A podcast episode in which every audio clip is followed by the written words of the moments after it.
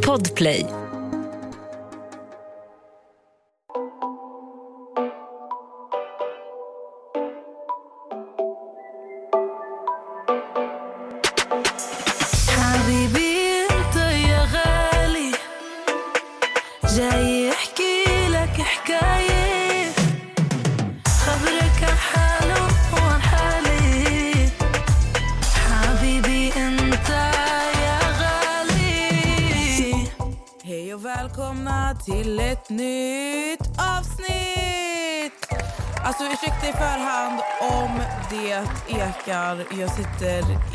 I vardagsrummet just nu. Ehm, det ska inte eka så jättemycket. Jag ska försöka prata lite tystare. Jag tänker så här, ni har överlevt jävligt mycket. Förra veckans avsnitt blev tyvärr... Alltså det kom ut lite senare och det var för att Kalle fick tomma filer. Och vad var det som hände? Jag fattar ingenting. Alltså jag har ingen aning, men du vet, vi har ju inte wifi. Alltså vi har inte behövt wifi här uppe. Här uppe, eller bara för på berget. Men vi har inte skaffat det för att vi har ju, alltså till tvn hemma, vi har ju en sån här, du vet, vad fan, du vet de här kablarna man kopplar i så har man det till telefonen. Sen har vi ju alltså wifi så, eller så här, i telefonerna. Så att det har inte behövts. Men när man delar från telefonen till datorn när man ska föra över så här tunga filer så tar det, det tog fyra timmar att skicka alltså förra veckans fil till Kalle. Och sen, eh, han, han skulle ju fixa dem, eller du vet, klippa i lördags. Och då satt vi ute och käkade när han ringde mig och bara, alltså jag har fått tomma filer. Så Nicole, min syster, hon var så här, va? För att hon lyssnade igenom dem och jag satt med henne när hon lyssnade igenom dem. Men då hade det förmodligen blivit någonting fel. Och sen, ja, det var rätt sent så det skulle ta fyra timmar till och då skulle klockan vara kanske två på natten. Men eh, ja, det löste sig i alla fall och eh, som sagt felet ligger på det tekniska härifrån. då, får- då. Men eh, Du får fan komma hem snart. jag är fan hemma snart så håll ut våra kära lyssnare. Vet du hur deprimerande det är att sitta själv? Är det det? Att, att ta taxi hit en gång i veckan till studion. Det är helt mörkt här inne. Och vet, varje gång, även om det är larmat och så, varje gång jag kommer hit jag bara väntar på att någon ska typ gömma sig i studion eller någon ska komma in. Vet, jag sitter där helt själv. Det är läskigt alltså. Men sluta. Men snart är jag där. Ska jag pendla en gång i veckan, träffa dig och podda. Vi är inne i november. Hur freaking sjukt är inte det? Två månader kvar av 2022 och det känns som att det bara var några månader sen som vi gick in i 2020. För jag minns att när det blev 2020 så var det så här wow, 2020, det här är värsta året och så kom corona. Mm. Jag tror det är därför som alltså, jag tror många av oss har så svårt att greppa att det snart är 2023 för att två år av våra liv är bara borta. Ja, men alltså vet du. Jag tror, alltså du vet, corona. Det känns som att det gav fler människor, mycket människor, alltså en, en bättre liksom, så här, instinkt på livet. Alltså man uppskattar varandra lite mer. Jag tror verkligen att så här, Alltså att, inte coronaviruset, alltså fuck that. För att det har förstört många, förstår du? Men jag tänker själva den här, alltså att man blev in, alltså vad heter det? Det var så mycket, re, alltså du vet, man fick inte gå ut, man fick inte gå till vissa ställen, man stängde ner jättemycket ställen och du vet, du hade inte samma sociala liv. Fattar du? Men eh, det är som du säger, det har försvunnit. Två år har verkligen försvunnit. Man märker ju det nu också när människor börjar resa och börjar komma ut. Alltså priserna är ju skyhöga. Men vad har hänt sen sist? Vad har du gjort? Vad har hänt? Ja du. Har du kollat mer på Paradise? Alltså ja. Jag har inte sett ett enda avsnitt till. För att jag tyckte att det var så tråkigt och jag kommer inte fortsätta titta. Men alltså du har redan gett upp. Ja, för jag känner att... Det, det, alltså, jag kollar inte så mycket tv överlag. Mm. Och ska jag kolla tv då ska jag ändå tycka att det är roligt. Det ska inte vara så här, "Ah, jag ger det en chans och så ligger jag här i några timmar och slösar mitt liv tills jag tycker det är kul. Nej. Så jag, eh, jag har tyvärr gett upp det. Mm. Jag hoppas, att, jag hoppas ändå det är bra, och så, men jag, jag hör ingen prata om det överhuvudtaget. Så jag, jag tror inte jag missar så mycket. Nej. Ni som vet, ni följer mig på Instagram och eh, det kommer ju, det kommer ju hända drama och sånt. Det kommer, man får bara hålla ut lite. Allting är nytt så man får inte, man får inte vara så snabb och hastig som Amelia här tycker jag. Vi pratade ju innan du och jag om vad vi borde prata om i podden. Vad vi känner är viktigt att ta upp. Hur du vet att en vän egentligen inte är din vän på riktigt. Vilka tecken ska du hålla utkik för? Och vad ska du absolut inte ignorera? För man ska vara jävligt försiktig med vem man kallar för sin vän. Du ska alltid komma ihåg hur bra det än känns för stunden med en person, hur trygg du än känner dig. Var så jävla försiktig med vad du berättar för den här människan. För det, de kan använda allt emot dig den dagen ni inte är vänner längre. Det är bara saker jag har lärt mig den hårda vägen. Så dagens samtalsämne, säg till oss Nessa. Dagens samtalsämne är tecken på att din vän inte är din vän. Och jag vill bara lägga till, alltså jag har ju tänkt mycket på så här, när, jag tänkte, när du sa det till mig, så började, alltså min första tanke var vad mina följare skrivit till mig på Instagram. För många har mycket mm. frågor och så här, pratar mycket om så här, deras vänkrets, att de känner sig utanför, de känner sig exkluderade. Nu skriver jag ju ut en frågebox på XMPH så mina följare har skrivit lite påståenden om eh, vad som är, eller vad säger man, deras tecken på att en vän inte är en vän. Och nu ska du och jag, Amelia, sitta här och diskutera. Så vi kör. Börja. Mm. Börja. ja, kör. Ska jag börja? Här har vi en klockren. Ger aldrig komplimanger, tror alltid att du ska misslyckas, vill bara ses om det gynnar henne, honom eller hen. Mm. Och den tycker jag är just det här med att du aldrig ger komplimanger. Och jag säger inte att man behöver bada sina vänner i komplimanger men du ska lyfta dina vänner. Du ska vara glad för dina vänners skull. Och om du genuint tycker om en person då berättar du ändå för den här personen vad den gör bra. Jag är jätte, alltså, mina vänner kommer jag alltid berätta för när jag tycker de gör någonting bra, när de, eh, liksom om de har gjort sig fina eller vad som helst. Men jag har haft vänner som aldrig kan ge en komplimanger. Spelar ingen roll om du har fixat dig, ni är ute, du får aldrig höra att du är fin. Utan tvärtom, det är såna här, men herregud vad har du på dig? och oj, eh, ah, oj vad mycket smink du hade idag eller vad som helst. Det blir såna här grejer istället. Och det är ofta tecken på avundsjuka. Ja, eller så kan det ju vara att man så här, alltså man bara is not feeling it. Alltså det är inte en människa som kan lyfta det. Jag tror inte att det bara handlar om avundsjuka här utan jag tror att det handlar om att du, alltså det är som att du är ett hot typ för din vän. Fattar du vad jag menar? Men då finns det ju en... Om, alltså, om du upplever mig som ett hot då är det ju någon typ av avundsjuka. Förmodligen. Då är det ju någonting som jag har som du inte har. Som du känner... Då, då känner du ett hot och det är ju ändå kopplat till avundsjuka. Ja, det, jag. Kanske, det kanske är sant det du säger. Alltså, om, om du tänker på det, alltså, för det ligger, jag, jag är själv så här. Självklart har man varit avundsjuk på människor. 100 procent. Men vad grundar sig avundsjukan i? Jo, att personen har ju något som jag inte har. Vilket gör också att jag känner mig underlägsen mm. bredvid personen. Och det människor ofta gör när de känner så här att någon är bättre, då försöker de ju dra ner den här personen också.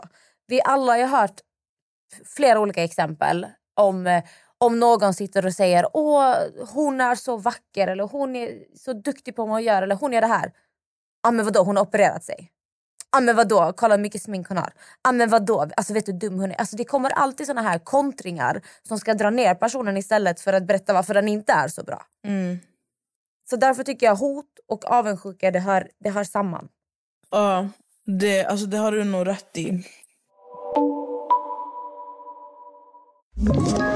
Ett poddtips från Podplay. I fallen jag aldrig glömmer djupdyker Hasse Aro i arbetet bakom några av Sveriges mest uppseendeväckande brottsutredningar. Går vi in med hemlig telefonavlyssning och, och då upplever vi att vi får en total förändring av hans beteende. Vad är det som händer nu? Vem är det som läcker? Och så säger han att jag är kriminell, jag har varit kriminell i hela mitt liv men att mörda ett barn, där går min gräns. Nya säsongen av Fallen jag aldrig glömmer på Podplay. Inte bli glad för din skull och din framgång. Och det kan ju jag säga att alltså, det har jag upplevt mycket av liksom, människor i min omgivning att så fort det har varit någon, det har jag typ, nämnt i podden tidigare också, att så här, när det är någonting Ja, du har pratat om det. Alltså när man, när man gör någonting som är stort för en själv. Oftast vet ens vänner vad det är som är stort. Men, och det, det handlar inte om att man vill sitta där och ha liksom en klapp på axeln eller applåder. Men du får liksom inget stöd. Eller du får inte höra Alltså, du får inte höra typ så här, bra jobbat eller någonting. Utan de, de blir spöken. Alltså, de försvinner med skuggan. Och det där... That's a sign. Alltså, that's, not, alltså, that's not friends. It's not. Jag vet inte varför jag pratar engelska. Va? Du vet, många säger ju att när du går igenom helvetet så får du veta vem som är dina vänner på riktigt. Men man skulle också kunna säga att vill du veta vilka som är dina vänner på riktigt, det får du veta när det går bra för dig i livet. Vem som blir glad för din skull. Men det alltså, jag fattar den, men det är också så här, du får tänka så här. Det, tänk dig den resan tills, som du gör tills du har kommit dit du vill. Alltså, de flesta människorna försvinner ju under resans gång. Men så fort du är på toppen, eller så här, ja, du fattar, när du har nått ditt mål och liksom du har Alltså du är här uppe nu, förstår du? Det är då folk kan claima dig Alltså gud, jag älskar dig, barndomsvän, oh my god, där för dig, min bästis. Förstår du? Då kan man claima dig som... Alltså du pratar om scenarier som inte så många kanske kan relatera till. Alltså för du, du lever ju i en offentlig värld. Men om vi, om vi tar ett exempel som att en person köper en bil. En person köper en lägenhet. Om hennes vän eller hans vän inte har en bil så kommer den avundas. För ofta, då, då kommer vi, alltså det här tycker jag också hör ihop som vi pratade om precis, alltså avundsjuka. Bli inte glad för din skull. Mm. För du pratar ju mycket om så här, alltså framgång, typ, alltså mer såna där karriärsaker eller följ, alltså såna där grejer som typ Men det kan ju vara samma sak. Alltså, vadå? Du, har, en- du har en vän. Alltså, det finns, jag vet ju de här människorna som verkligen drar sig till typ dyra grejer. Så låt säga att du köper din första bil. Som är en fet jävla bil, en Maserati eller någonting. Alltså, då ska ju dina vänner bli dina bästisar. Alltså, förstår du vad jag menar? Det finns dem. And that's crazy. Men jag vet inte varför jag pratar engelska. Jag måste sluta. Ge mig en, ge mig en lavett varje gång jag pratar engelska. Vi fortsätter. de planerar saker utan att bjuda in dig. Alltså det där... Alltså vet du vad? Det där är vuxenmobbning. Alltså det där är mobbning. Helt ärligt. Det där är Ja. för att man, man vill att en person ska känna sig utanför. Det där är ett aktivt val. Att Det var samma sak. Glömmer, att, alltså glömmer citerat, att bjuda med dig. Har en skrivit här. Och de två hör ju ihop tycker jag. Ja, ja. Det är ju, det är ju typ så, alltså, glömmer att bjuda med dig och planera, planera saker utan det, det är ju samma sak. Och jag tror det mycket handlar om att, återigen, du är ett hot. Det finns en anledning till att de inte vill ha dig där. För att de, de är rädda för att du ska ta uppmärksamhet, för att folk ska tycka bättre om dig eller killar eller tjejer eller vad som helst ska tycka att du är snyggare än dem. Alltså det finns Alltså jag tror det ligger väldigt mycket sanning i de sakerna. För jag tror väldigt sällan det är så ah, men vi bjuder inte med henne för att hon är tråkig. Alltså är, du vänner, är man vän så är man ju vän med någon. Jo, alltså tro mig. Alltså jag är ganska säker på att såna där scenarion finns. Alltså jag tror inte bara att det handlar om alltså att man tar plats eller att man syns och hörs mycket. Du vet, så här. Jag tror alltså det kan 100% bero på att du är en person som alltså, som de anser att du, alltså, du inte vibar med gruppen eller att du, du är jobbig eller du är tråkig. Men det, det blir ju i sig blir det ju falskt av liksom din, din vänkrets för att mm det är någonting du, alltså det är inte så svårt. Alltså vi ser om det är en person som är högljudd. Det är inte så svårt att bara lyssna här. Du är skithögljudd. Alltså vi, vi känner för en, en sån här aura. Förstår du vad jag menar? Så istället, istället kör man med exkludering, vilket är helt fel. Fattar du? Så jag, jag, tror, att- alltså jag tror att det du säger stämmer. Men jag tror också på att det här med att en människa kan vara jobbig eller tråkig eller du vet, att de har andra åsikter. Jag tror 100% att det, det också kan ha liksom, en påverkan i, i såna här beslut, att exkludera mm. människa. Men som sagt, falskt att inte kunna... Alltså för är man vänner man ska kunna vara ärliga med varandra. Tycker jag. Ja, det finns ju nog flera olika anledningar. Men en viktig sak alltså, mm. som jag alltid utgår ifrån det är var du inte bjuden från början, så gå inte. Fråga aldrig om du får följa med. För att om folk har planerat saker utan att bjuda med dig, fråga inte ens om du får komma. Alltså bjud inte in dig själv. Mm. Alltså, så, så, brukar jag tänka. Och det, alltså, såklart det handlar inte om alla situationer. Men har du inte fått en inbjudan så gå inte. Var du inte inbjuden från mm. början, bjud inte in dig själv. För det här är människor som aktivt har planerat det här utan dig. Alltså, lägg dig inte på den nivån liksom. Men det är vissa människor också, man måste ha lite, alltså, lite förståelse för. De har inte andra vänner, de, de gör det för att de kanske känner sig ensamma. Och grejen är, kolla här, jag håller med Amelia. Man ska egentligen inte vika sig och gå med dem.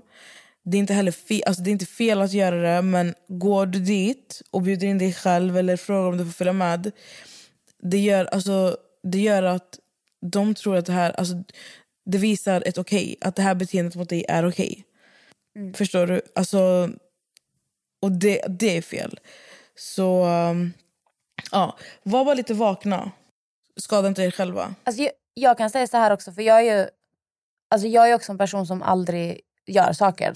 Och Det har också varit en anledning till att många inte har bjudit med mig på grejer. Folk har planerat saker utan mig. Och när jag har ifrågasatt detta så har svaret varit, men vadå du vill aldrig komma? Du, du, typ så du tycker om att vara själv, du tycker om att vara hemma. Det spelar ingen jävla roll om jag tycker om att vara hemma. Jag ska i alla fall ha en jävla inbjudan från er. Annars kan ni dra åt helvete. Mm. Jag, ska alltid, jag ska alltid få möjligheten att vilja gå. Mm. Så känner jag. Och sen kanske jag inte dyker upp. Mm. Men jag vill ändå ha en inbjudan. För mm. att det gör i slutet av dagen ont att inte bli bjuden för att folk antar att man inte vill komma, det får, det får mig bara känna som att jag är problem. Okej, okay, det är något fel på mig för att jag inte är lika social som er. Okej, okay, jag ber om ursäkt. Mm. Men så finns ju, alltså jag, tror att, jag tror att människor... Alltså I sådana här fall så tror jag allting handlar om alltså att, eh, att prata, prata med... För grejen det hände faktiskt en gång då jag och en grupp vänner vi planerade att vi skulle åka till Liseberg. Mm. Och alltså, vi planerade det här utan en, alltså en annan vän som eh, brukar hänga med oss. Men vi visste att den här vännen jobbade. Och ja, vi, vi planerade det helt enkelt utan den här vännen. Och alltså Det första den här vännen sa det var så här, ni har planerat det här utan mig. Alltså, och vi, alltså, vi fattade att vi hade gjort fel. För att sen så förklarade den här vännen att alltså, jag kunde bara tagit ledigt från jobbet och åkt med er. Mm. Och då, alltså, jag kände ju mig dum direkt. Alltså, det kändes ju... För det hjälpte inte sen i efterhand. Och bara, men följ med ändå, kom ändå, du, du är välkommen. Vi menar, alltså, även fast jag, liksom, jag menar det från hjärtat så vet jag att mm. alltså, det är klart att man inte vill komma när, man har, alltså, när sex andra personer har haft en hel konversation om att vi ska åka till Liseberg och vi ska ha lalala. Alltså förstår du? Mm. Men det kan bli så fel att man, man bara antar vissa saker. Precis som du säger, att man bara antar att till exempel du... Så, ah, men, du går inte ut och festar Amelia så vi, alltså, du får ingen inbjudan för du kommer ändå inte komma. Det är fel att bara anta. För att som sagt, alltså, för det kan ge, typ som i det här fallet för oss, vi kunde ha gett vår vän möjlighet alltså att kolla, få ledigt, få möjlighet att känna sig inkluderad men kanske säga att mm. nej men jag jobbar, jag kan inte. Alltså fattar du? Så man ska alltid ge, man ska alltid ge sina vänner en möjlighet. Ta det från mig som har varit på andra sidan och alltså råkat exkludera en vän på grund av att vi antog. Jag antog. De antog. Alltså förstår ni? Gör inte det. Det blir fel och man känner sig hemsk. Ett poddtips från Podplay. I fallen jag aldrig glömmer djupdyker Hasse Aro i arbetet bakom några av Sveriges mest uppseendeväckande brottsutredningar. Går vi in med hemlig telefonavlyssning och, och då upplever vi att vi får en total förändring av hans beteende. Vad är det som händer nu? Vem är det som läcker? Och så säger han att jag är kriminell, jag har varit kriminell i hela mitt liv men att mörda ett barn, där går min gräns. Nya säsongen av Fallen jag aldrig glömmer på Podplay. Här har jag en som jag tycker ska bli skitintressant att diskutera med dig om. Okay. När de umgås med folk som behandlat dig illa. Jag vill bara säga så här. Jag personligen har aldrig någonsin tyckt eller sagt eller bett någon av mina vänner att inte prata eller inte umgås med någon som har behandlat mig illa. För de, alltså vi alla är ju individer. Så att såna här, såna här saker, som, sånt här, det här beror på. Vill jag säga. Det här beror på. Pratar vi med en människa som har skadat dig, alltså så att du liksom alltså, skadat dig på en nivå där alltså, det har varit, vi pratar liksom alltså, fysiskt skadat dig eller skadat dig på en nivå där alltså, du vet, satt dig på botten, tagit ner dig till botten eller är det en person som kanske bara har typ snackat skit om dig eller du vet sårat dig, gjort dig besviken. För det är helt olika, alltså vi pratar om helt olika saker. Och jag kan säga, alltså, jag tycker det beror på. Fattar du? Jag vill bara veta vad du tycker. Jag har en väldigt klar och tydlig åsikt när det kommer till detta. En person som är vän med dina fiender är inte din vän under några omständigheter. Min syn på lojalitet till mina vänner lyder så här. Om du bråkar med min vän så bråkar du också med mig. Punkt. Om jag är din vän, om jag är lojal till dig, du kommer ha min lojalitet till en miljard procent. Alla människor som skadar dig, de skadar mig också. Det är så här jag funkar. Det är, det här, det är, så här, det är den här typen av lojalitet jag ger mina nära vänner och det är den typen av lojalitet jag förväntar mig tillbaka. För jag tycker inte, har en person sårat mig, skadat mig, pratar illa om mig, mina vänner ska inte umgås med de här människorna. Punkt. Och jag är jätte... Det finns, det finns, ingen, finns inga ursäkter för mig. Inte ens om en nära vän och jag, om vi av någon anledning slutar vara vänner. Jag kommer aldrig gå och umgås med dina fiender om jag har varit lojal och äkta till dig på riktigt. Nu menar jag inte att det här handlar om alla vänskaper. Det finns olika nivåer av vänskaper men är du i min inre krets, då menar jag mina nära vänner, då är det den här typen av lojalitet och då finns det inga ursäkter. Så ser jag på saken. Men det beror ju på, det beror väl också på vad det är alltså för vänner det handlar om. Alltså... Jo, men det är det jag säger. Mina närmsta vänner kommer ha den här typen av lojalitet från mig och det är vad jag förväntar mig av dem. Och då menar jag i min cirkel där, där finns liksom tre pers kanske. Tre, fyra personer som jag förväntar mig det här utav. Mm. Andra vänner förväntar mig inte detta av överhuvudtaget. Jag kan förvänta mig respekt men det är också något jag har lärt mig när det kommer till mer ytliga relationer, vänskap. Och nu pratar jag hur beskriver man en vanlig vän? Någon du är vän med, som du umgås lite med då och då, som du pratar med lite då och då, men det är inte jättedjupt. Där förväntar jag mig inte den typen av lojalitet, för där har jag inga förväntningar. Jag har bara lärt mig att förvänta dig ingenting av människor. De enda som jag förväntar mig saker av är de som jag ger den typen av lojalitet. Hänger du med på vad jag menar? Mm. För jag har gett så många människor så mycket lojalitet, visat så mycket respekt och bara fått äta bajs tillbaka. Därför har jag varit väldigt selektiv med vem jag ger det här till och vem jag faktiskt kan förvänta mig det här utav. Mm. Nej, jag hör dig. Alltså det, det är klart att... Alltså... Man måste ju skilja på en vän och en nära vän. Såklart. Alltså handlar det om ens, alltså ens nära. Med grejerna, de som är i min, alltså, i min liksom in, vad säger man, innersta min, min närmsta krets, det är inte många människor just nu. Och det är främst mina systrar mm. och sen alltså, två stycken till. Och jag vet att de här två vännerna, mina systrar kommer aldrig någonsin, alltså det finns inte på världskartan. Men däremot, de här två vännerna, alltså jag vet till tusen procent, jag vet med hela mitt liv att det här, det här är inte ens någonting att tveka på. Förstår du? Mina vänner tar fighter för mig. Mm. Mina vänner... Alltså, det är en helt annan grej. Men jag menar så här, när jag läser den frågan så kan man inte alltid förvänta sig av människor att så här, om du, om du är en människa som bråkar, of, alltså som ofta har liksom, bråkar ofta med, män, alltså med vänner eller of, bråkar ofta med liksom folk. Alltså du kan inte förvänta dig att varje person du bråkar med att dina vänner ska backa, alltså ska sluta prata med människorna för till slut så kommer det bara vara ni kvar. Det är, en sån, det är ett sånt scenario jag läste det här utifrån. Förstår mm. du? Jag har också haft nära vänner som har fortsatt umgås med människor som har gjort mig illa och deras argument har varit men personen har inte gjort mig någonting. Jag kommer inte bli ovän med folk för att du är ovän med folk. Och det där för mig, det är inte en vän. Jag har bara lärt mig att umgås inte med folk som kan vara vän och är okej okay med folk som har gjort dig illa. Mm.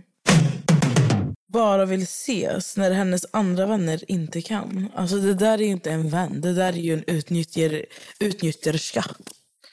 Men det här är också en grej, innan du fortsätter. Blir sur när man umgås med andra. Det där har jag varit med om. Och det där har jag läst mycket om att andra har varit med om.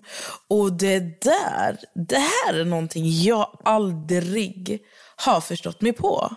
Det är ju alltså, det, är det sjukaste någonsin. Jag tycker det är helt galet.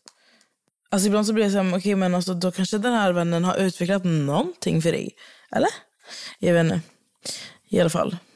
Det finns nog olika anledningar till varför det blir så. Alltså, uppenbarligen den här personen tycker om det lite väl för mycket. För att du äger ju inte din vän. alltså, det är så här, du äger inte en annan människa och om din vän har andra vänner så är det väldigt bra. Alltså, så ska det vara. Så länge personen inte liksom går och umgås med folk som har gjort dig illa. Mm. Man, man kan inte vara den här kontrollerade personen. Och Det betyder inte att de inte är en bra vän. Men det är en person som har problem och som borde gå till en psykolog. Så skulle jag säga. För att den, alltså, personen kan ju bry sig om det jättemycket men har problem med något ja, som har hänt i livet eller vad som helst. Men ja, det, är min, det är mitt sätt att se på saken. Jag hade sagt till min vän typ så här, alltså, du borde typ gå och prata med någon för att det här är inte hälsosamt. Mm. Säger att du ska klippa lugg. Uh, that's a false ass for... Alltså vet du... Uh. Jag har alltid varit så här, du vet när jag ställer så mycket frågor om så här, ska jag färga håret ljus, ska jag vara mörk, ska jag kapa av det, ska jag inte? Alltså, och när vissa människor är så här, du borde göra så här. Det enda jag tänker är så fan falskt du är. Du vill bara att jag ska vara ful. ja. Men alltså, det finns såna människor. Berättar vidare privata saker som du sagt i förtroende. That's not a friend. Okej, okay? wake up. Det där är inte hur en vän ska vara. Men om, om vi bara vänder på det här. Säg att du och jag har varit bästa vänner i fyra år. Okay? Du vet jätteprivata saker om mig. Jag vet jätteprivata saker om dig. Men vi glider ifrån varandra. Vi är inte vänner idag av olika anledningar. Okay? Och sen så får du höra att jag berättar om dina hemligheter till folk. Nu pratar jag när vi inte är vänner. Mm. Då kommer vi in på alltså, karaktär. För jag tycker, alltså, Det känns så otroligt vanligt att folk är bästa vänner, sen av någon anledning så är de inte det längre. Och då känner folk helt plötsligt att det är okej okay att berätta om personers hemligheter eller saker de har gått igenom. För att, mm. men vadå, vi är inte vänner längre, jag har ingen skyldighet till henne. Men jag mm. tycker det är så jävla vidrigt. Det är faktiskt, det där är faktiskt hemskt. Alltså, tänkte att jag har öppnat upp mig för dig, jag har gråtit framför dig, jag har släppt in dig i mitt liv. Spelar ingen roll om du och jag inte är vänner längre. Alltså det är sånt du ska hålla... Men alltså det är så folk, det känns som att folk håller på typ och oftast så pratar de ju, när de pratar om sånt så är det till människor som gärna vill höra skit om en, gärna vill höra att det går dåligt, gärna vill höra att du har gråtit, vill höra allting som är negativt i ditt namn. Fattar du? Mm. Så människor som gör något sånt är ju också väldigt, de är också väldigt liksom noggranna med vem de går till och berättar det här för. För att de vill ju ha, de vill ju ha någon form av liksom bekräftelse. Så här, ah, men det är sant, fuck, fuck henne, fucka mig. Eller, oh my God, alltså, förstår du vad jag menar? Nu tog jag dig som exempel då, för att det är så enkelt, för mm. du är här. Det känns som att de här människorna vet precis vilka de går till. Men det, det är så sjukt beteende. Jag vet inte ens... Alltså, ah, jag vet inte. Jag har faktiskt, alltså jag har faktiskt haft på riktigt... Jag har varit med om sånt tidigare i mitt liv. Men eh, jag har haft perioder alltså, med vissa vänner som jag inte pratar med. Men jag har faktiskt aldrig någonsin känt mig orolig över att någon av mina vänner alltså, som jag har varit nära och inte pratat med och liksom haft de här perioderna med, att någon ska gå på så här mot mig för att alltså, det är inte så man beter sig. Och jag vill inte, sen vet jag inte, så här, men jag vill inte tro det är såna människor jag har runt mig. Så att jag är ganska säker på att jag har valt rätt människor i mitt liv. Även människor jag inte pratar med idag. Jag har valt rätt människor. Jag kan säga att jag har varit med om flera gånger tyvärr. Där nära vänner som man inte är vän med längre idag. Att man har fått veta att de har berättat en djupaste, djup, eh, inte hemligheter men en djupaste liksom, saker man har gått igenom, privata grejer till andra människor. Personer som du aldrig trodde skulle göra det. Personer som jag aldrig hade gjort så mot. Även om jag vet vad de har gjort mot mig. Jag kan inte, jag kan inte sänka mig till den mm. nivån. Så det enda jag kan säga om det är att det gör så fruktansvärt ont. Alltså det är inte så det är lite samma sak, det är exakt samma sak. Och veta att någon du har släppt in, någon som har sett dig på ah, din lägsta punkt ändå kan gå runt och prata så. Men det, det, det gör så jävla ont. Men någonting som jag har lärt mig innan du börjar släppa in folk i ditt liv.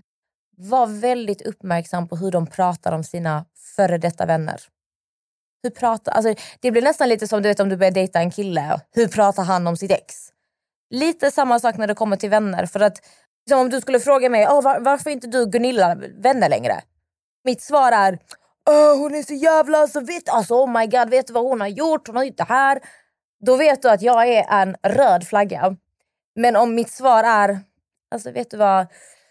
Um, vi hade skitkul tillsammans, jag kommer alltid uppskatta vår tid men uh, vi växte ifrån varandra. Och det är jättesynd. Då vet du, grön flagga. Då vet du att du ändå kan typ vara trygg med mig. Nu säger jag inte typ så här, eh, att ramla i en fälla direkt, folk kan ändå luras.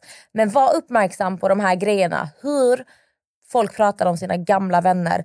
Berättar dem om deras hemligheter, om privata saker. För om de kan göra det mot sina gamla vänner som de var bästisar med i fem sex år. Tro mig att de kommer göra samma sak mot dig. Mm.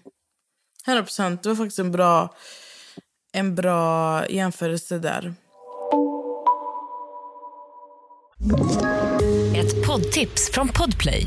I fallen jag aldrig glömmer djupdyker Hasse Aro i arbetet bakom några av Sveriges mest uppseendeväckande brottsutredningar.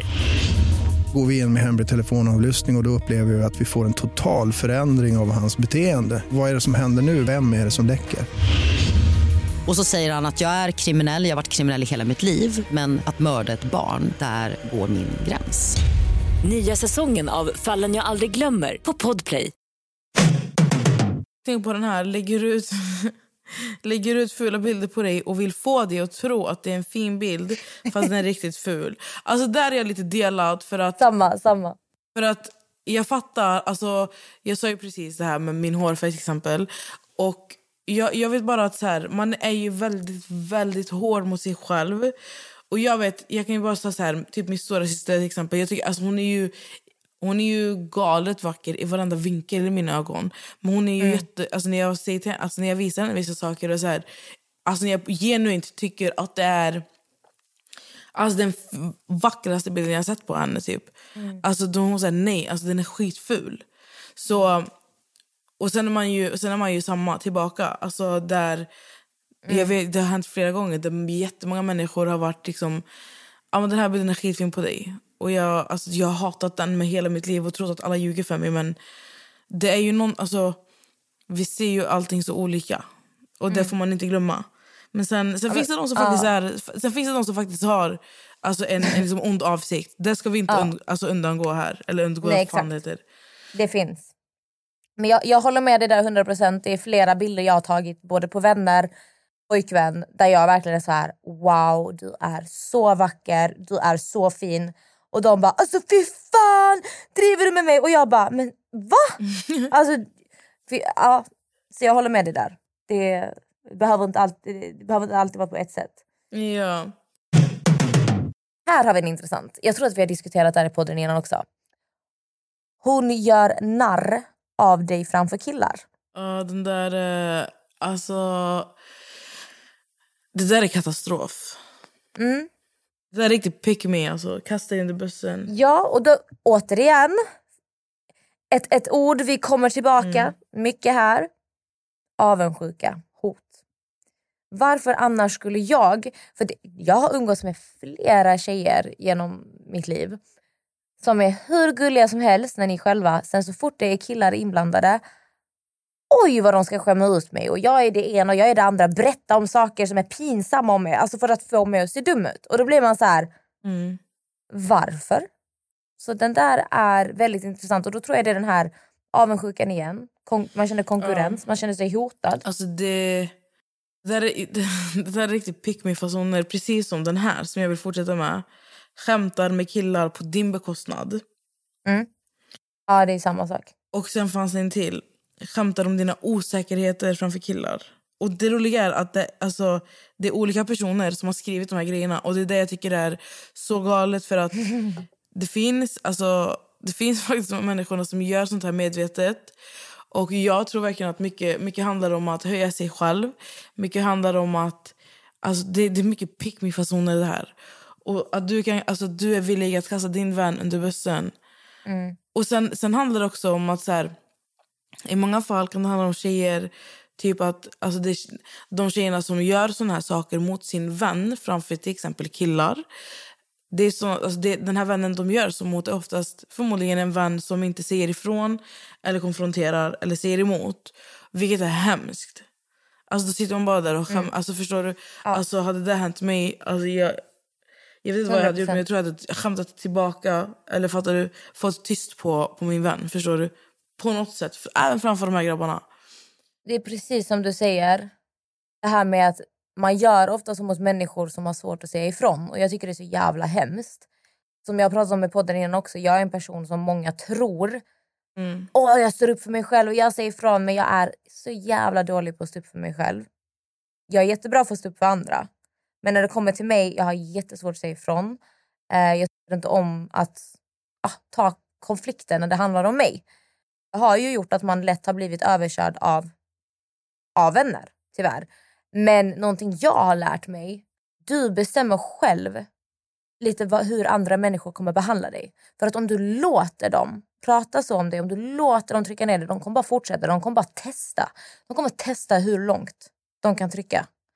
Så det är så viktigt att minsta lilla sån här sak du märker, säg ifrån direkt och jag lovar dig att de kommer inte fortsätta. Du måste liksom slå dem direkt på handen.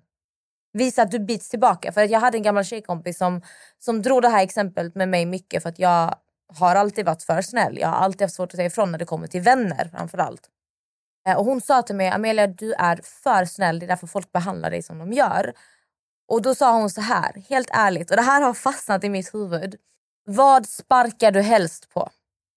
Ett lejon eller en chihuahua? Du vet om att chihuahuan kan inte göra dig någonting så du kommer inte vara rädd. Men om ett lejon kommer äta upp dig. Och det är viktigt att man är ett lejon. Exakt. Men det, Alltså, det, där är också, det är någonting jag också fått höra alltså, av mina nära. Liksom, att jag sätter mig själv i situationer för att jag är för snäll. Jag är för tyst. Jag är för... Och alltså, man, måste, man måste någonstans alltså, visa ganska direkt. Min lilla syster är ju, hon, hon har ju varit en människa bland liksom sina vänner och våra vänner som vi har gemensamt som har visat vart skåpet ska stå direkt. Alltså hon ryter till direkt. Alltså det är mycket saker jag, som jag, till exempel, som jag är okej med som hon inte är okej med. Förstår du? Även så här, om jargonger till exempel.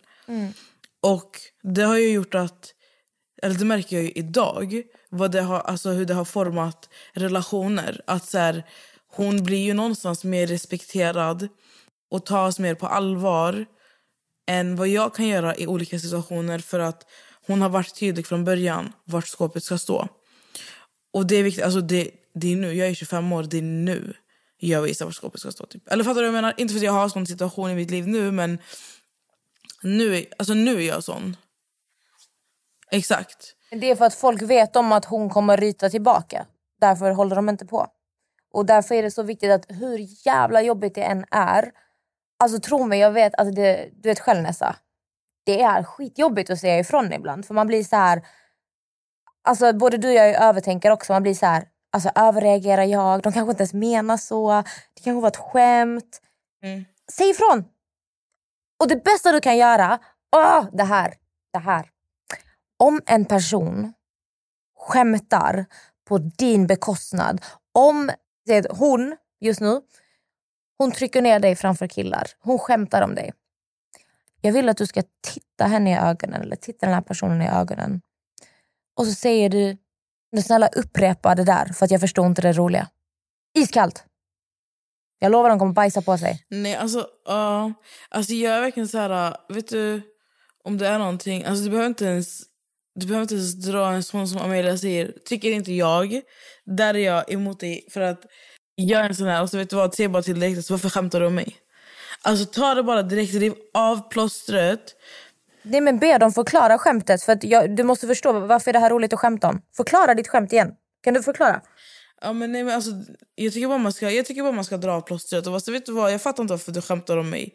Om, om du tycker det är kul, fortsätt. Men om du gör det för att trycka ner mig, jag vet inte, alltså, vad är din, jag förstår inte din poäng. Fast då samtidigt så bjuder du in på att det är en konflikt. Det behöver inte ens vara en konflikt. Utan nu ber du bara personen förklara skämtet. Annars blir det så här, okej jag förstår att du vill skämta om mig. Vad är det du vill? Vad är det du vill ha sagt? Men alltså, om, om, alltså, en sån reaktion som, som du säger, då kan ju den till exempel reaktionen bli såhär, alltså chilla jag drev. Det var ett skämt. Förstår du? Hon eller han lägger all skuld på dig när det är han eller hon som har gjort fel. Det där är vanligt. Alltså, det är så här, människor som inte vill ta ansvar eller kan... Människor är väldigt dåliga på att reflektera över vad man själv har gjort. Och alltså, Det vet man sen innan. Det är flertal människor som inte kan reflektera. och alltså Det enda man kan göra i en sån situation, helt ärligt, det är bara att gå vidare. Du har inte så mycket mer att hämta där. Och det är oftast väldigt manipulativa människor som gaslightar och manipulerar. Och det är därför som de aldrig kan erkänna sina egna fel. Utan de kommer alltid vända det emot dig. Det är, också, det är alltid två sidor av ett mynt. Det får man inte glömma. Men problemet blir när dina känslor blir obefogade och den känslan är helt befogad. Förstår du? Alltså det är så här, att det du säger, alltså det är en fis i rymden typ. Men det jag säger det är bara det som betyder någonting. Det blir fel. Precis. Fattar du? Och, och det, det är där det spricker också. Då förstår inte ni varandra och då, då behöver inte ni ha med varandra att göra. It's that simple. Alltså man behöver inte... Ni behöver inte göra alltså, saker så mycket större än vad det är. Helt ärligt, när ni märker att det här är någonting, alltså, det här är någonting som inte faller dig i smaken då tar du ditt pick och pack och du lämnar. Dörren står helt jävla öppen för dig. Men det är så. Nej, vet du, avsluta med att säga det här. Var inte rädd för att klippa bort personer. Alla behöver inte förklaring. Folk är ofta väldigt medvetna om vad de har gjort mot dig. Om de har skadat dig, om de sårar dig. De vet. Ghosta dem. Prata aldrig mer med dem. Nu är det nämligen så att vi har suttit här ett tag och jag måste upp och fixa mig för att jag ska iväg på middag. Så jag blir the party pooper here. Tack för att ni lyssnar på veckans avsnitt. Ni har det så bra. Vi älskar er. Puss och kram! Puss och kram. Hej då!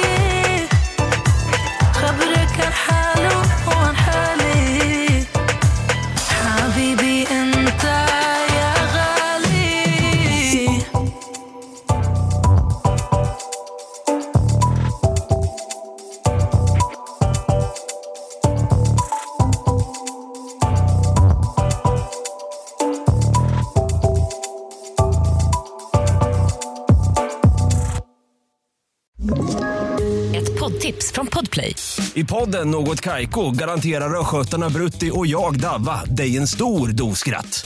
Där följer jag pladask för köttätandet igen. Man är lite som en jävla vampyr. Man har fått lite blodsmak och då måste man ha mer. Udda spaningar, fängslande anekdoter och en och annan arg rant.